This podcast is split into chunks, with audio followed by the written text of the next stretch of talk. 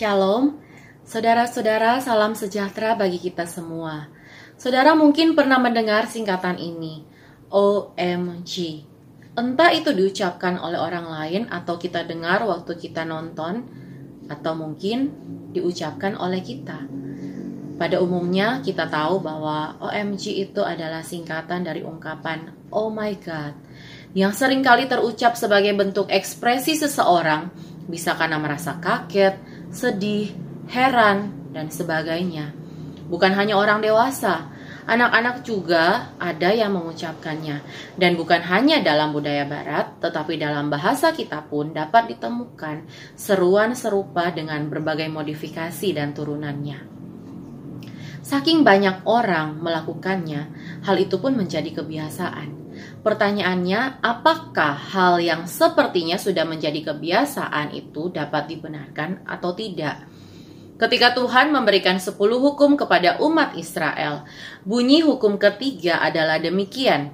Jangan menyebut nama Tuhan Allahmu dengan sembarangan, sebab Tuhan akan memandang bersalah orang yang menyebut namanya dengan sembarangan. Menyebut nama Tuhan dengan sembarangan berarti berbicara tentang Tuhan dengan tidak sopan, tidak hormat, atau sia-sia.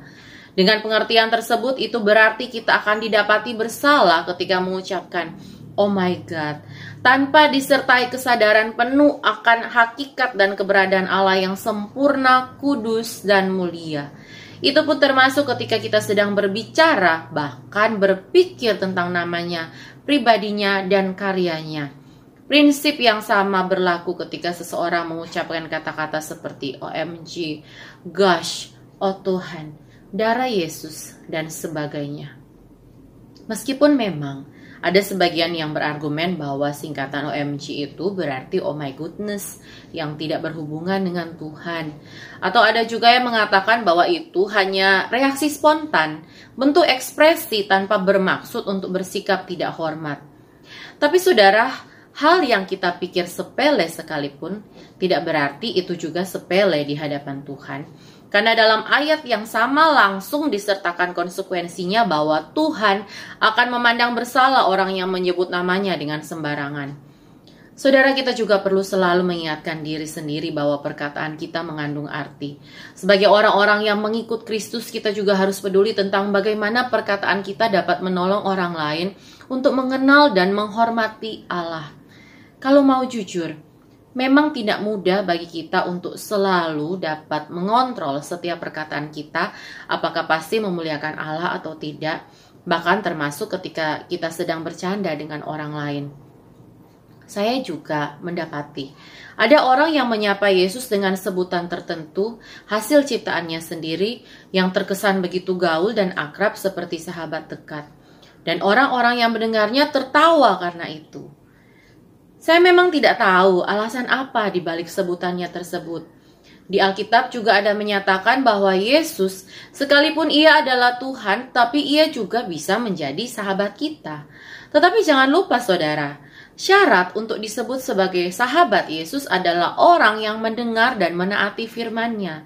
Jangan kita menjadi lupa diri dan terlalu kepedean merasa sudah bersahabat dengan Yesus, sampai menciptakan sebutan khusus bagi dirinya, tetapi Yesus sendiri tidak pernah menganggap kita sahabatnya karena kita mengabaikan firman-firmannya.